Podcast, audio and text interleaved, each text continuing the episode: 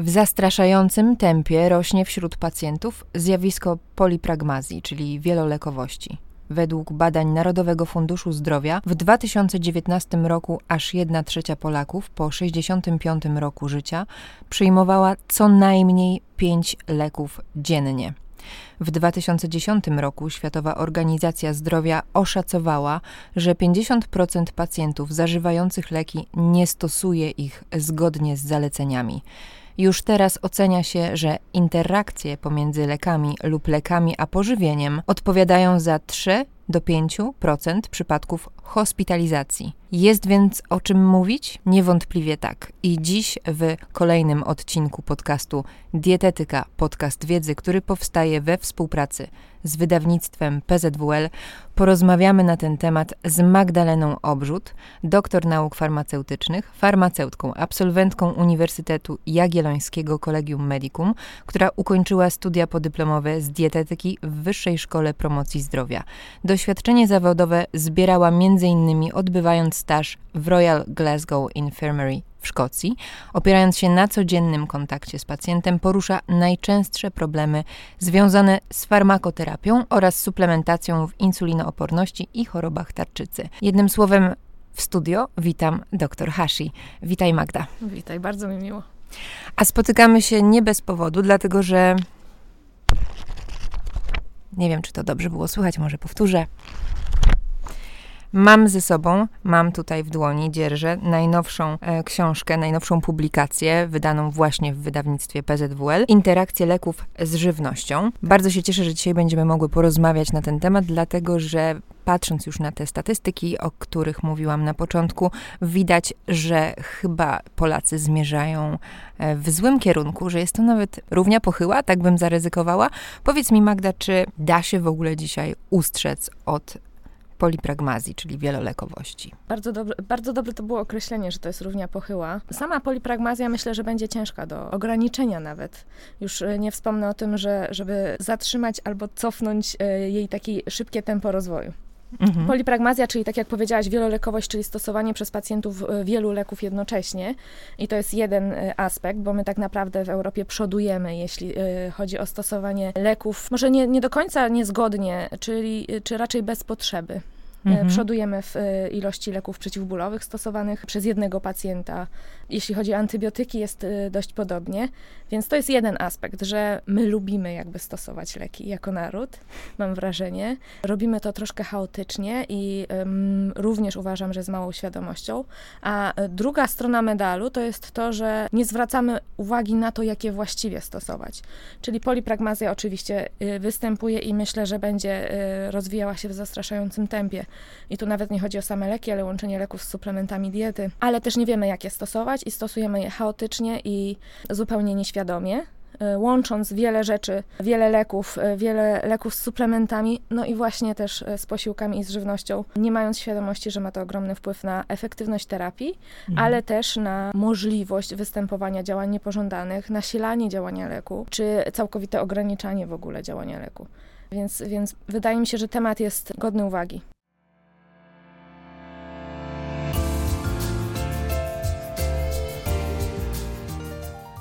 Na pewno jest godny uwagi. Od razu mi się przypomina scena z filmu pod tytułem Dzień Świra. Mhm. Widzę tę dłoń Adasia Miałczyńskiego, który zaciska w tej dłoni no, myślę, że sporą liczbę e, różnego rodzaju leków. I w związku z tym od razu się zastanawiam, kogo tak naprawdę dotyczy ten problem. Czy on jest bardziej skoncentrowany w grupie wiekowej osób starszych, czy też dotyka już młodsze osoby? Kiedyś było przeświadczenie, że duża ilość leków dotyczy tylko osób starszych. Absolutnie nie. W tej chwili młode osoby też mają, mam takie przeświadczenie, że im więcej e, suplementów e, czy takich rzeczy dodatkowych, które sobie stosują, to mają gdzieś e, taką, takie poczucie, że się sobą opiekują, mhm. że sobie jakby zapewniają tą troskę, czy rekompensują na przykład brak ruchu, czy brak właściwej diety, bo sobie suplementują, uzupełniają te niedobory, które na przykład rekompensować właściwie właściwie zbilansowaną dietą. Zanim przejdziemy do omówienia samego problemu, zjawiska, jakim jest polipragmazja, chciałabym Cię zapytać w ogóle o samą książkę, czyli o to, skąd się wziął pomysł na nią, jaka potrzeba mhm. stoi za utworzeniem takiej publikacji. No i też myślę, że warto zwrócić uwagę słuchaczom na to, jak w ogóle skonstruowana jest ta książka, bo jest w bardzo uporządkowany sposób przeprowadzona e, wiedza od A do Z. Opowiedz o tym trochę. Tak. Sam pomysł książki to jest taka trochę odpowiedź na moje y, codzienne obserwacje pracy za pierwszego stołu, czyli pracy farmaceutki y, w tak zwanym okienku aptecznym. To jakby z jednej strony. Z drugiej strony to też jest odpowiedź na współpracę z dietetykami, bo sama książka jest dedykowana przede wszystkim y, specjalistom, czyli dietetykom, właśnie farmaceutom, lekarzom, ale nie tylko, bo wydaje mi się, że nawet pacjenci znajdą fajnie, krótko, treściwie i wydaje mi się, że w sposób sposób prosty i zrozumiały sformułowane informacje takie kluczowe dotyczące stosowania e, ich leków. Natomiast skąd się wziął pomysł? Wiesz, e, wydaje mi się, że bardzo dużo czy sporo mówi się o możliwości interakcji lek-lek. Mhm. E, o tym mówimy, mamy tego świadomość, natomiast w ogóle nie mówi się o tym, że lek a suplement diety. E, suplement diety tak prawnie jest uznawany również e, poniekąd za żywność, mhm. E, więc lek, suplement diety czy lek żywność może również wchodzić w interakcje. I są to interakcje tak samo zagrażające nieraz o zdrowiu i życiu, jak interakcje lek-lek. Natomiast nie ma świadomości ani wśród pacjentów, ani mam wrażenie, że czasem również wśród specjalistów, że to są tak samo ważne interakcje, na które trzeba zwracać uwagę, o których trzeba mówić, żeby efektywność terapii była jak najlepsza, ale też, żeby w e, sposób maksymalny ograniczyć prawdopodobieństwo wystąpienia działań niepożądanych czy e, skutków ubocznych.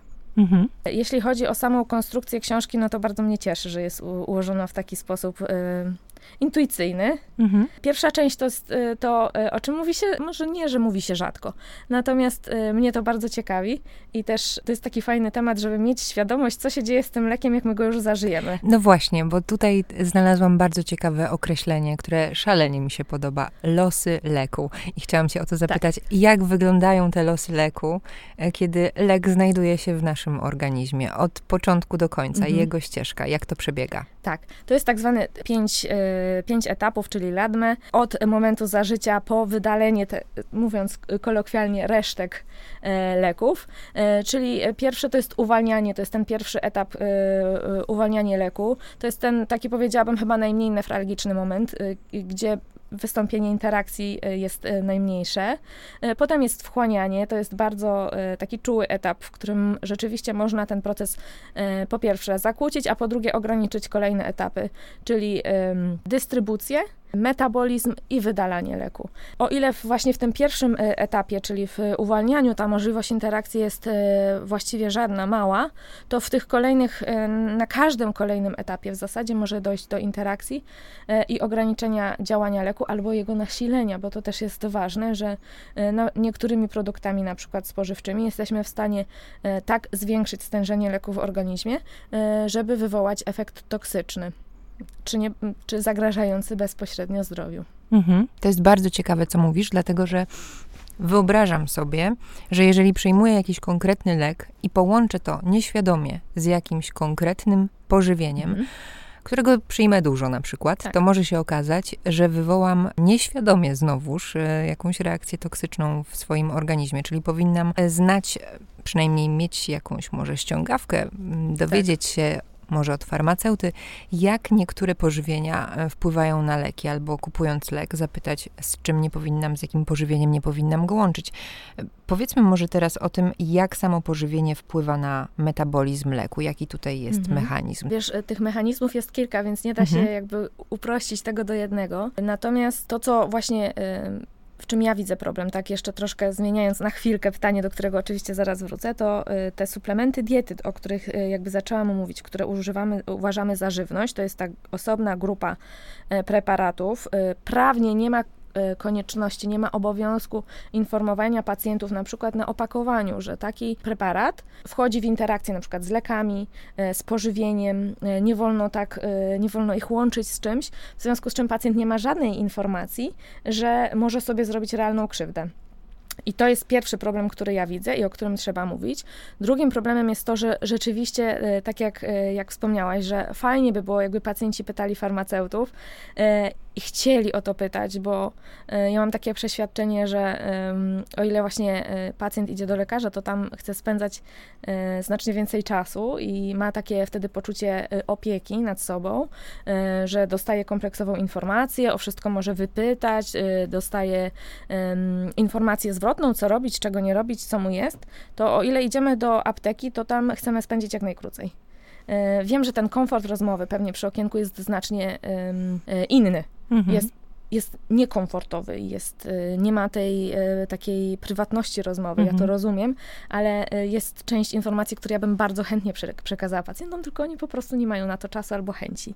I wracając do Twojego pytania, jakie mogą wynikać interakcje, no to tak jak właśnie wspomniałam, nie da się tego wrzucić do jednego worka, bo to jest sam, sam przykład kofeiny, bo to jest związek, substancja, którą w produktach spożywczych, czy świadomie, czy mniej świadomie, bardzo często dostarczamy do organizmu, a sama kofeina może wywołać mnóstwo, mnóstwo y, działań. Zaczynając od ograniczenia wchłaniania, spadku efektywności terapii i spadku, po prostu mówiąc wprost, działania leku, jak na przykład połączenie kawy z lewotyroksyną, którą stosujemy na czczo, powinniśmy stosować na czczo, y, a bardzo często mamy taki nawyk, że zażywamy leki i za chwilę pijemy kawę i uważamy, że nadal jesteśmy na czczo, bo przecież nie posłodziliśmy na przykład kawy, y, a efektywność terapii spada bardzo, bardzo znacząco. To to jest przykład, kiedy kofeina będzie osłabiała działanie leku, mhm. ale na przykład kofeina w połączeniu z teofiliną w lekach e, już z kolei e, nasila efekt teofiliny, tak, że występują no, bardzo przykre działania niepożądane, jak kołatanie serca, uczucie niepokoju, duszności. Jeden związek, a tak wiele możliwości interakcji, czy połączenie kofeiny z lekami uspokajającymi. No wiadomo, że to siłą mhm. rzeczy działanie będzie się znosić, będą działały antagonistycznie. Więc y, nie da się niestety powiedzieć, y, jak dokładnie y, wygląda mechanizm, bo dla każdej substancji, dla każdego połączenia on będzie wyglądał inaczej. Mhm. Mówisz o mm, kofeinie i o tym, jak jest łączona. W, powiedzmy może w takim razie o jeszcze innych przypadkach, przykładach takich najbardziej rażących dla ciebie błędów, jakie popełniamy w y, właśnie łączeniu leków, czy to z pożywieniem, czy na przykład z suplementami diety? Mhm. Y Właściwie to nie wiem od czego zacząć. No nieźle, ale mamy historię. Już, tak, właśnie ta kofeina to jest bardzo dobry przykład, y, bo bardzo dużo pacjentów po pierwsze nie do końca ma świadomość, co to znaczy naczczo. Mhm. Y, naczczo to znaczy co najmniej 6 godzin bez przyjmowania y, pokarmu. I to jest naczczo, mhm. czyli jest część leków, które trzeba stosować naczczo, bo ich działanie będzie znacznie lepsze wtedy. E, więc e, to jest pierwsza, e, pierwszy błąd, który ja uważam za Mm, kardynalny. Kardynalny. Taki. To jest to, że w ogóle nie zwracamy uwagi na to, czy leki powinniśmy stosować przed posiłkiem, w trakcie posiłku, czy po posiłku. Mhm. Oczywiście jest tak, że w przeważającej ilości przypadków nie ma to takiego znaczenia. Natomiast e, są e, leki, dla których to jest kluczowe, jeśli chodzi o działanie. I potem się zastanawiamy, e, okazuje się, że pacjent jest na przykład lekooporny, albo musi stosować coraz większe dawki leków. W ogóle dawki, które na przykład do tej pory nie działały, y, które do tej pory działały, nagle przestają działać. Mhm. No i skąd się to bierze? Przecież pacjent jakby y, y, klinicznie nie zmieniło się nic, ale okazuje się, że nie wiem, zaczął właśnie pić kawę. Nie pił do tej pory, ale zaczął pić kawę zaraz po przyjęciu leku. Więc to jest pierwszy błąd. Nie zwracamy zupełnie uwagi na to, jak powinniśmy stosować swoje leki.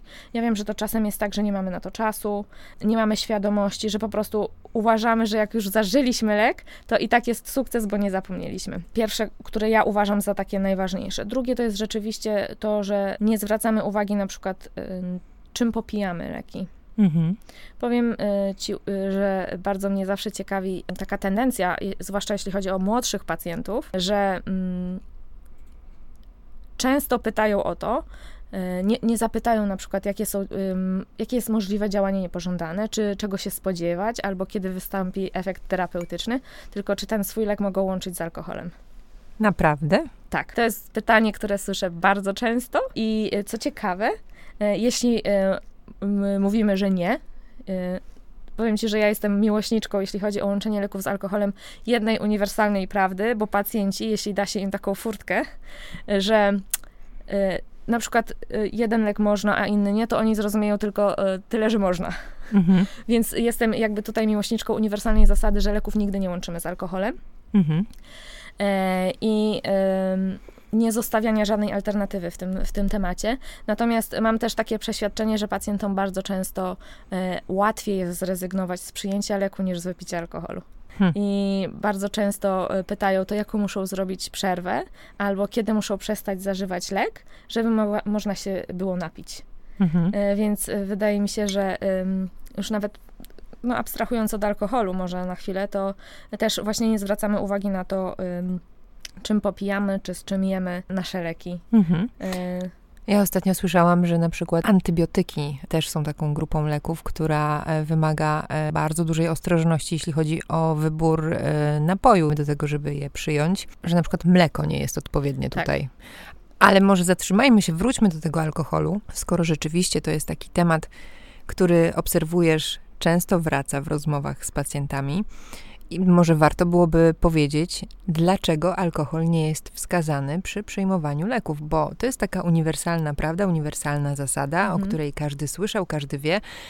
Ale dla, dlaczego? Tutaj znowu nie ma jednej odpowiedzi na to pytanie, mhm. dlatego że w zależności od leku e, alkohol będzie wywoływał różne efekty. E, w połączeniu z niektórymi substancjami może doprowadzać do na przykład kwasicy, tak jest w przypadku metfor, y, metforminy, kiedy y, wiadomo, że połączenie, y, tu może trzeba by powiedzieć większej ilości alkoholu, mhm. chociaż tak jak mówię, ja jestem miłośniczką jednak takiej uniwersalnej prawdy, że każdej ilości, czy może za, za, zatrzymajmy się przy tym, że połączenie alkoholu z metforminą może prowadzić do kwasicy. Mhm. Mm, a kwasica to już jest jakby stan zagrażający bezpośrednio zdrowiu.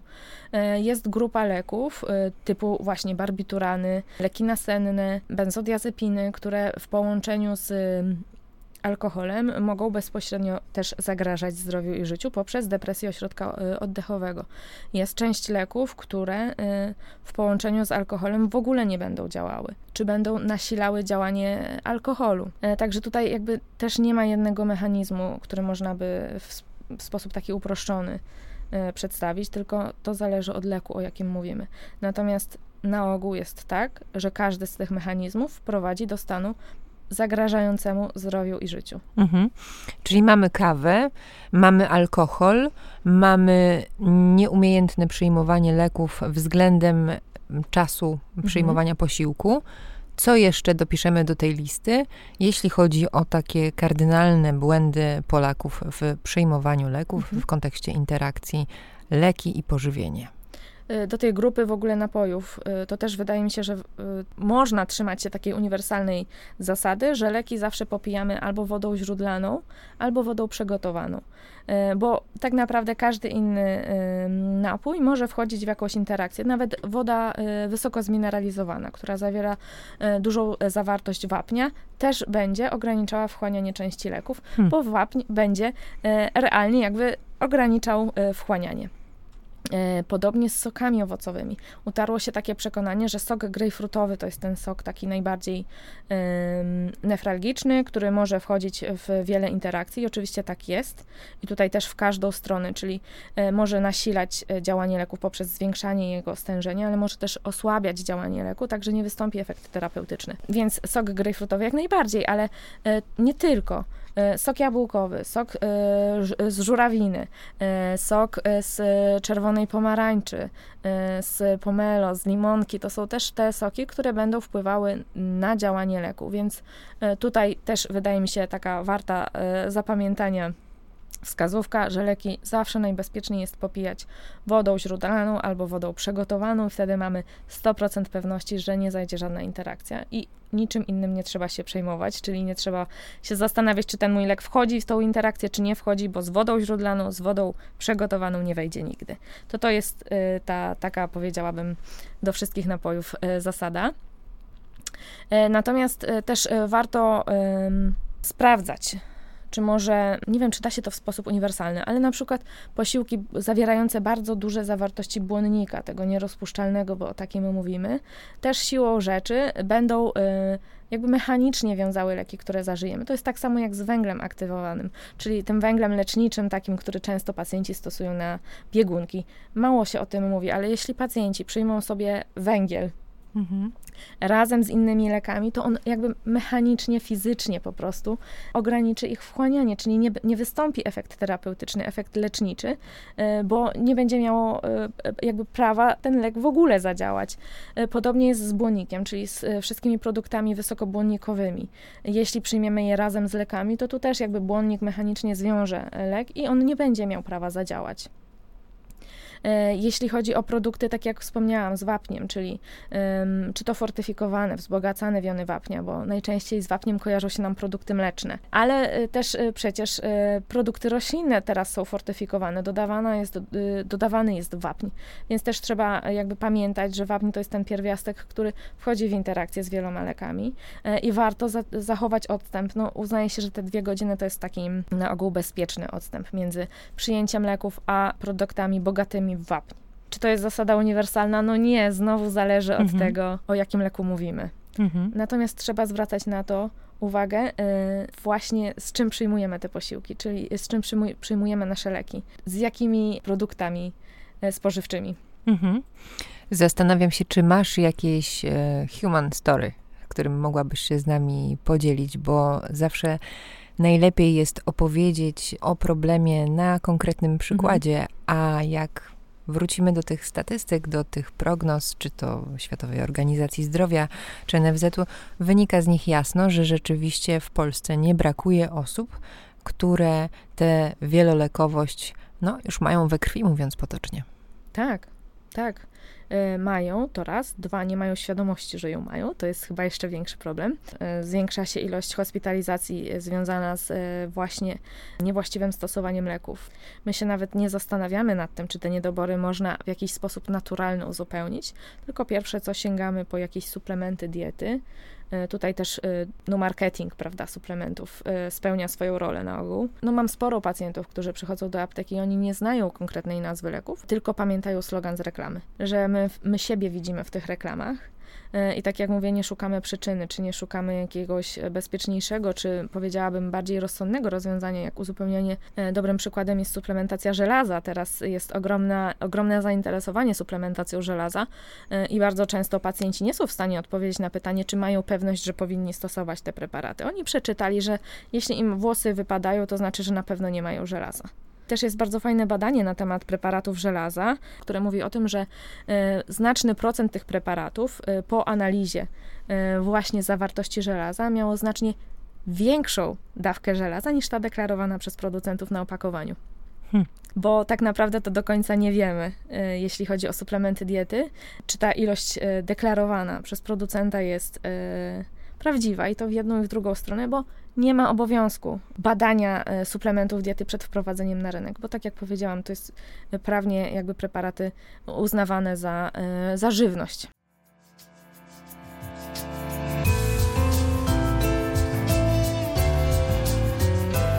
Dietetyka. Podcast wiedzy. Ostatnio też e, do apteki przyszła pani, która miała potworne fotouczulenie. Mhm. I e, była u kilku lekarzy, i wydaje mi się, że brakło informacji też ze strony pacjentki, że przyjmuje e, preparaty, suplementy diety, które mogą powodować właśnie fotouczulenia już z pęcherzami. Więc e, no ciężka sprawa, bo właśnie nie mamy świadomości tego, że suplementem diety też można sobie zrobić krzywdę.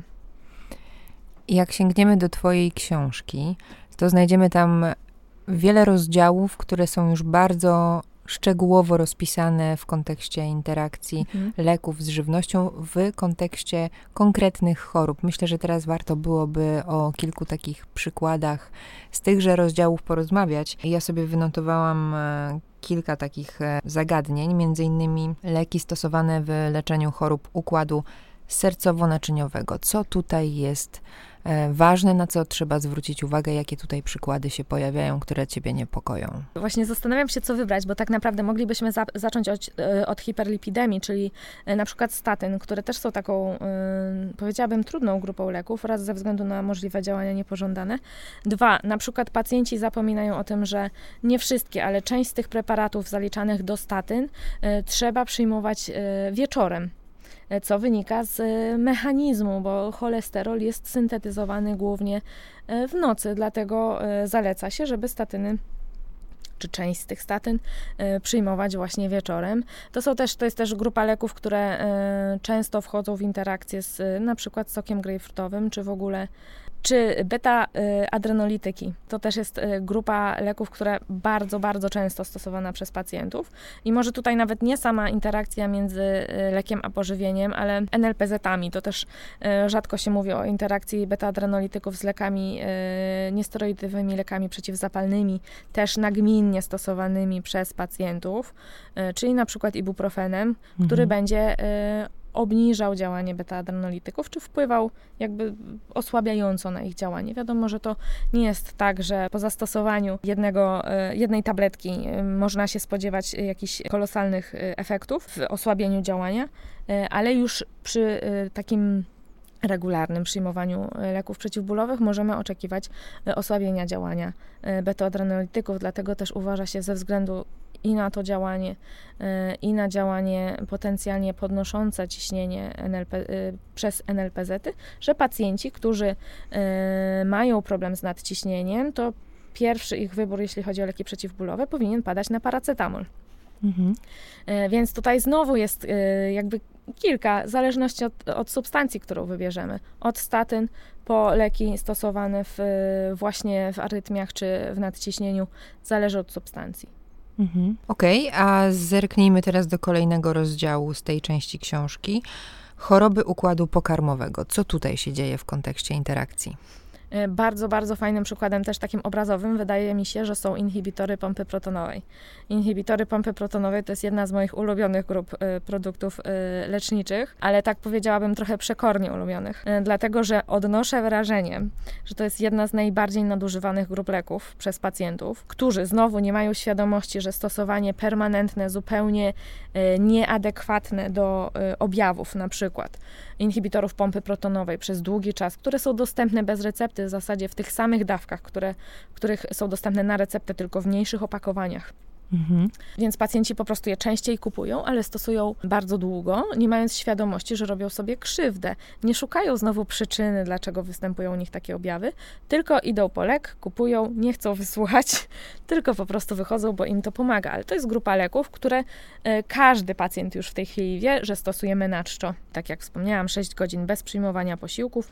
Wynika to z tego, że efektywność działania leków jest znacznie wyższa, znacznie lepsza. Okej, okay, a jakie masz w takim razie przykłady, jeśli chodzi o choroby układu oddechowego? No myślę, że tutaj, mając w tyle głowy doświadczenie pandemii, kiedy układ oddechowy bardzo cierpiał mm. w tym doświadczeniu wirusa, to też mogły się pojawić jakieś dodatkowe spostrzeżenia z Twojej strony. Jeśli chodzi o układ oddechowy, to powiedziałabym, że tych interakcji y, samych y, lek pożywienie jest może troszkę mniej, Mhm. E, natomiast samych interakcji czy sposobu e, stosowania jest mnóstwo. E, począwszy właśnie od sterydów wziewnych. I tutaj może właśnie abstrahując na chwilkę od tych interakcji, to też pacjenci nie chcą wysłuchać znowu albo nie chcą przeczytać w ulotce, na przykład, że po stosowaniu sterydów trzeba bardzo uważać na to, żeby myć twarz po nebulizacjach, żeby ją dobrze Mm, wypłukać, mhm. E, żeby potem nie wpaść w kolejny problem pleśniawek, aft. Mhm czy grzybicy jamy ustnej, e, zapalenia spojówek, no różnych, różnych tutaj historii, natomiast wynika to właśnie z podłoże jakby tych problemów jest zawsze to samo, czyli za mała świadomość tego, że nie wystarczy lek stosować, tylko trzeba to zrobić tak, żeby miał szansę zadziałać i sobie nim nie zaszkodzić. Mhm psioczymy dzisiaj trochę na tych pacjentów, bo już któryś raz pada sformułowanie, że nie słuchają albo nie zadają pytań, nie mają czasu, chcą szybko osiągnąć efekt, przyjmując konkretny lek czy suplement diety. I na chwilę zatrzymajmy się przy tym wątku, bo ja mam taki, taką dosyć smutną refleksję. Mm, mówisz o edukacji. Mam wrażenie, że nie uda się w tym obszarze, w tych wyzwaniach edukacyjnych osiągnąć sukcesu, na którym na przykład tobie by zależało. Mam wrażenie, że jedyną szansą jest chyba w sumie przeczytanie Twojej książki. Tak, żeby mieć w jednym punkcie zebrane wszystkie informacje na temat możliwych interakcji leków z żywnością, bo tego jest tak dużo. Tak. Farmaceuta nie ma czasu tego powiedzieć, pacjent tego też, e, o to też nie zapyta.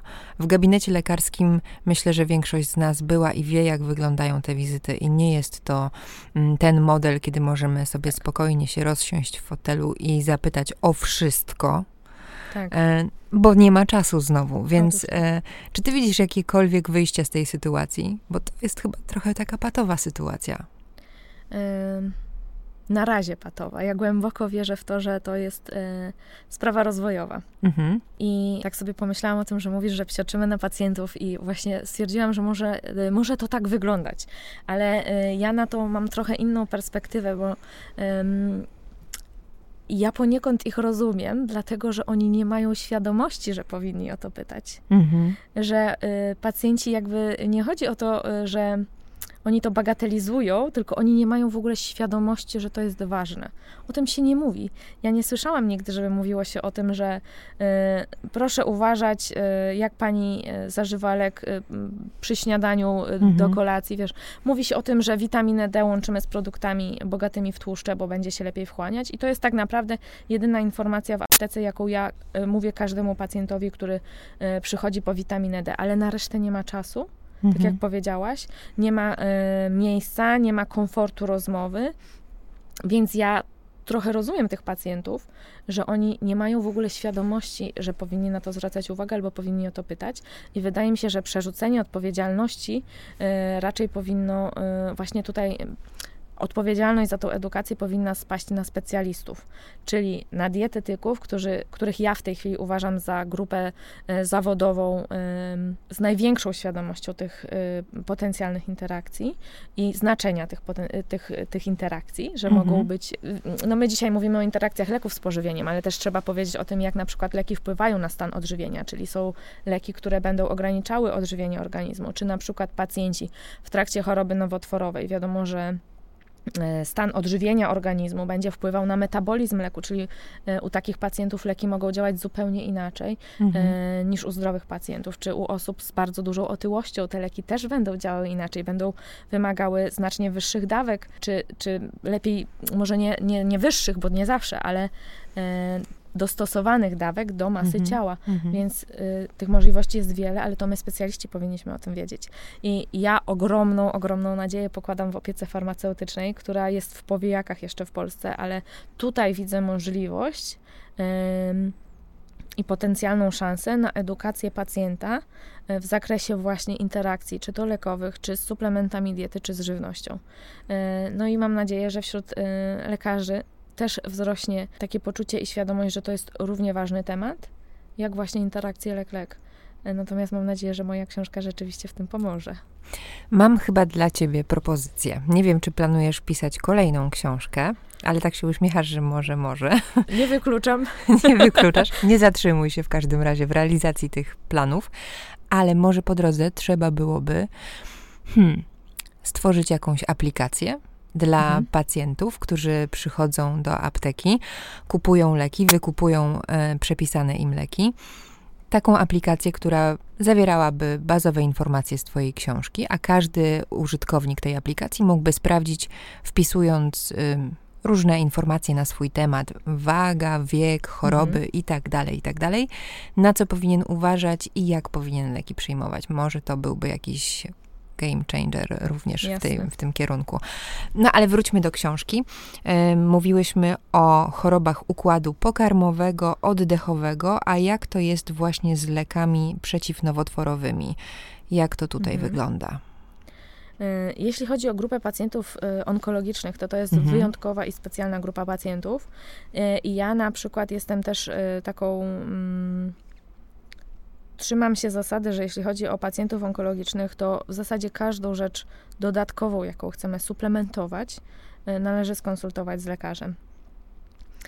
dlatego że tutaj naprawdę substancje czy związki, które nam się wydają błahe i potencjalnie uznajemy, że przydadzą się każdemu, mhm. Y, mogą u takich pacjentów wywołać y, więcej niekorzyści niż korzyści. Natomiast dobrym przykładem jest tamoxifen, to jest taki lek stosowany w nowotworze piersi, sutka. Też wydaje mi się, że chyba najlepiej kojarzony wśród kolegów po fachu, kolegów, koleżanek po fachu, czyli farmaceutów E, taki najczęściej wydawany, ekspediowany przez nas w aptece, no to jest przykład preparatu, który e, może wchodzić w interakcję właśnie z e, na przykład z sokami owocowymi. Mhm. Wynika to z jakby enzymów, które biorą udział w metabolizmie tego leku, więc trzeba pilnować odstępu, albo jeśli się da, to zrezygnować nawet z niektórych soków owocowych. Czy... Ale też znajdziemy taką informację, że tamoksifenu nie powinno się łączyć z produktami z dużą zawartością soi, mhm. ze względu na antagonistyczne działanie i możliwość osłabienia działania leku. I to też jest ciekawa interakcja, bo wydawałoby się, że dlaczego? a jednak. Mhm. Natomiast to jest interakcja, która jest też dobrze opisana w, e, raz, że w karcie charakterystyki produktu leczniczego, ale nawet już w ulotce, którą pacjent dostaje w opakowaniu razem z lekiem. Mhm. No dobrze, i teraz kolejny temat, olbrzymi temat też mi się mhm. wydaje, czyli witaminki. Witaminy i minerały. Tak. Przecież tego jest cała masa na półkach, w aptekach, w drogeriach. E, tak każdy przychodzi obok i myśli, hmm, a może by tak sobie tutaj skóra, włosy, paznokcie, coś, no prawda? No, no, właśnie, więc jak to jest z tymi witaminami i minerałami? E, I to jest znowu y, temat rzeka. Mhm. Temat, w którym tak naprawdę tych mechanizmów jest mnóstwo. Mamy taki tem, te, takie tempo życia, y, taką presję w tej chwili na sobie, że często y, jakby my spadamy na ostatnie miejsce. Ale też Więc, oczekiwania mamy duże, otóż prawda? to. Więc y, trzeba, y, tak, aktywność fizyczna, taka aktywność nasza na przykład zawodowa jest bardzo duża, ale brakuje nam czasu na, na sen, Mhm. Brakuje nam czasu na ułożenie sobie dobrze zbilansowanej diety, która będzie nam zapewniała te e, witaminy, minerały w sposób naturalny. No i szukamy alternatywy. E, I tak naprawdę to też jest taka grupa, której można sobie zrobić e, przekrój, jeśli chodzi o możliwość interakcji i działań niepożądanych, zaczynając na przykład od biotyny, która jest bardzo, bardzo nadużywanym, znaczy może nie nadużywanym, tylko na szeroką skalę stosowaną witaminą, a biotyna bardzo, nawet nie wiem jak, jakiego słowa użyć, czyli też jest bardzo mała świadomość tego, że biotyna będzie fałszować wyniki badań laboratoryjnych. Mhm. Czyli jeśli wybieramy się na badania e, i chcemy na przykład sobie sprawdzić poziom witaminy D, e, e, poziom insuliny, poziom TSH, FT4, to biotyna będzie w znaczący sposób fałszować te wyniki. W związku z czym, jeśli stosujemy mniejsze dawki, to y, określa się, że biotynę trzeba odstawić od, trzech, od jednego do trzech dni przed badaniem. Jeśli stosujemy te większe dawki, czyli teraz y, uznaje się, że jest to 10 mg, to co najmniej tydzień. Y, I już zobacz, taka witamina stosowana właśnie na wzmocnienie paznokci i włosów może spowodować, że pacjent na przykład pójdzie, okaże się, ma, że ma wysoki poziom TSH, niski poziom, załóżmy FT4 i już zacznie się albo wdrażanie leczenia, mhm. albo przynajmniej szukanie i kolejne etapy diagnostyki, dlaczego tak się dzieje. A wynika to z tego, że zapomnieliśmy odstawić y, preparat, albo nie wiedzieliśmy nawet, że mieliśmy go odstawić, bo y, wchodzi w interakcję z odczynnikami chemicznymi. Mhm i będzie fałszował wyniki. Wiesz co, to brzmi tak, jakbym się miała poruszać po jakimś labiryncie i, tak, i znaleźć ja z niego wyjście. Ja wiem. Wiesz, to jest, ja mam zawsze, jak rozmawiam z pacjentkami najczęściej, bo to jeśli chodzi o biotynę, to tutaj pacjentki y, dominują w, tej, y, w tych preparatach, to mam takie, y, taki słowotok, wiesz, żeby zdążyć wszystko powiedzieć, żeby ktoś nie wyszedł zanim ja mu to powiem, że nie może pani musi pani odstawić mhm. chociaż trzy dni wcześniej. No ale pacjentki na ogół się wtedy tak zatrzymują i mówią, tak? Dziękuję, nie wiedziałam. I to jest ogromna satysfakcja zawodowa, że, że się, wiesz, spełniam, że ta mhm. wiedza się przydaje, że to przynosi takie wymierne efekty. Drodzy Państwo, jeśli z apteki wybiegnie za Państwem farmaceutka krzycząc, ja. proszę jeszcze pamiętać o, to właśnie będzie Magda. To będę ja.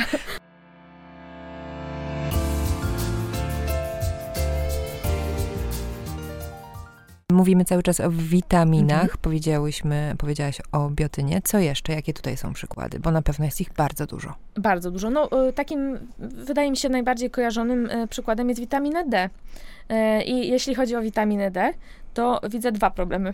Mhm. Pierwszy właśnie, żeby pamiętać, że witaminę D najlepiej łączyć z produktami wysoko, z dużą zawartością tłuszczów, bo to jest witamina rozpuszczalna w tłuszczach. Ona będzie znacznie lepiej działała, jeśli ją połączymy właśnie z takimi produktami. Co jest o, właśnie, po pierwsze, warte zapamiętania, dwa, że ciekawe, bo na ogół uważa się, że tłuszcze będą ograniczać wchłanianie wielu związków, a tutaj z samego charakteru chemicznego wynika ta poprawa wchłaniania. A dwa, no to właśnie taki dobór dawek mhm. przez pacjentów, czyli tendencja do tego, że im więcej, tym lepiej. E, I nie sprawdzamy w ogóle, jaki mamy poziom no, metabolitu witaminy D, mówiąc e, w skrócie witaminy D, e, tylko na ogół właśnie pacjenci działają tak trochę na oślep, wychodząc z założenia, że im większe dawki, tym lepsze. No w tej chwili dawką dostępną bez recepty jest, najwyższą dawką dostępną bez recepty jest 4000 jednostek, ale to wcale e, nie, e, nie wyklucza tego, że pacjenci zażywają tych jednostek znacznie więcej, po prostu łącząc sobie kilka kapsułek. Więc to nie jest tak, że jeśli stosujemy czegoś więcej, to to zawsze będzie przynosiło lepsze efekty, absolutnie.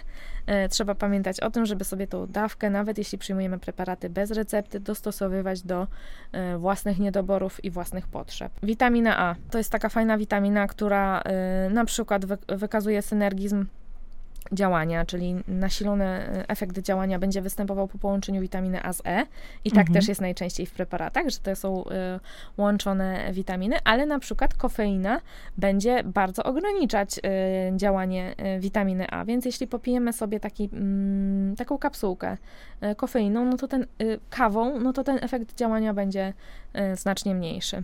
Mhm. E, wapń i żelazo jako minerały, no o tym mówiłyśmy, e, że to są pierwiastki, które wchodzą w interakcję niemal z każdym produktem leczniczym, e, więc jeśli przyjmujemy, suplementujemy sobie preparaty żelaza, to e, warto zachować co najmniej dwugodzinny odstęp czasu. To jest taki minimalny odstęp czasu, jaki powinniśmy zachować między preparatami z żelazem czy z wapniem, a przyjmowanymi lekami. No ale na przykład żelazo też jest fajnym przykładem na to, że jeśli w wielu przypadkach tych produktów nawet dostępnych na receptę, ono jest łączone z witaminą C, Mhm. Co z kolei też e, wynika właśnie z y, mechanizmu działania, czyli y, z, z, jakby charakteru chemicznego y, i witamina C będzie powodowała nasilony, zwiększony, zwiększone działanie żelaza, czyli zwiększony, może nie efekt terapeutyczny, ale lepsze działanie, o tak mówiąc w skrócie. Mhm. Myślę, że nie damy rady w jednej rozmowie opowiedzieć o wszystkich tych zakamarkach, którym należałoby się przyjrzeć w kontekście, no właśnie, interakcji leków z żywnością, bo przypominam, taki jest tytuł książki, której autorką jest e, gościni dzisiejszego odcinka podcastu Dietetyka, podcast wiedzy PZWL, czyli Magdalena Obrzut. E, nie damy rady, bo tego jest po prostu bardzo dużo, więc zastanawiam się, czy możemy podsumować naszą rozmowę w taki sposób, żeby, no, powiedzmy, wydać pewnego rodzaju zalecenia, e, jeśli chodzi o nawyki dla mhm. pacjentów. Co byłoby ważne, na co powinni zwracać uwagę? Mm, na przykład przyjmują różnego rodzaju leki, czy też witaminy, to teraz powinni przejrzeć co? Skład swojej lodówki, sprawdzić, co tam mają, żeby zastanowić się, podrapać po głowie i powiedzieć, aha, okej, okay, to ja nie mogę pić mleka bez laktozy, jeśli biorę na przykład coś takiego. Co byś tutaj doradziła? Ja bym doradziła y, na pewno, żeby się nie bać i nie popadać w, w panikę, o tak, mhm. bo tutaj y, ani skrajności, bo to też nie jest, y, nie jest tak, że, że musimy się tego bać tylko trzeba być świadomym i sprawdzać, na przykład w ulotce, którą mamy dołączoną do leku, czy są jakieś grupy produktów spożywczych, które są dla nas y, jakby szczególnie niekorzystne. Żeby sprawdzać, czy y, nasze leki nie wchodzą w interakcję z produktami sojowymi, z produktami mlecznymi, z wysoką zawartością błonnika, też najlepiej y, trzymać odstęp to są e, wszystko informacje, które my możemy znaleźć właśnie e, w ulotce, albo zapytać farmaceutów, żeby nie bać się e, pytać, poświęcić na to czas, bo to są rzeczy bardzo ważne i rzeczy powiedziałabym takie łatwe do wdrożenia. Mhm. Że to nie, nie, wymaga od nas wielkiego wysiłku, tylko raczej właśnie dużej świadomości, a jest miejsce, gdzie możemy tą wiedzę nabyć w sposób, mam, mam głęboką nadzieję, dostosowany do nas i szybki. Mhm. Czyli można podkreślić jedną z takich ważniejszych e, rad, którą przekazujesz e, w naszej dzisiejszej rozmowie wszystkim, wszystkim, absolutnie wszystkim, żeby pytali, nie bali Tak. się pytać e, farmaceutów i lekarzy o to, jakie interakcje mogą się pojawić w przypadku łączenia konkretnego leku z żywnością albo z suplementami, które przyjmują. Czyli nie bójmy się pytać. Tak. A ja gorąco zapraszam do pytania. Zawsze chętnie odpowiem. Wiesz, co teraz się wydarzy? Wszyscy będą klikać na twój Instagram Zapraszam. Dr. Hashi i będą wysyłać ci DM-y i mnóstwo pytań. Możliwe. Bardzo dobrze, zachęcamy do tego. Tak. Ja dzisiaj się nie bałam zadawać pytań. Zadawałam te pytania w podcaście Dietetyka Podcast Wiedzy, który powstaje we współpracy z wydawnictwem PZWL, a gościnią dzisiejszej rozmowy była Magdalena Obrzut, autorka książki pod tytułem Interakcje leków z żywnością, wydanej w wydawnictwie PZWL. Serdecznie Państwu polecamy lekturę tej książki, a Tobie Magda bardzo dziękuję za spotkanie i myślę, że do zobaczenia. Ja też bardzo dziękuję.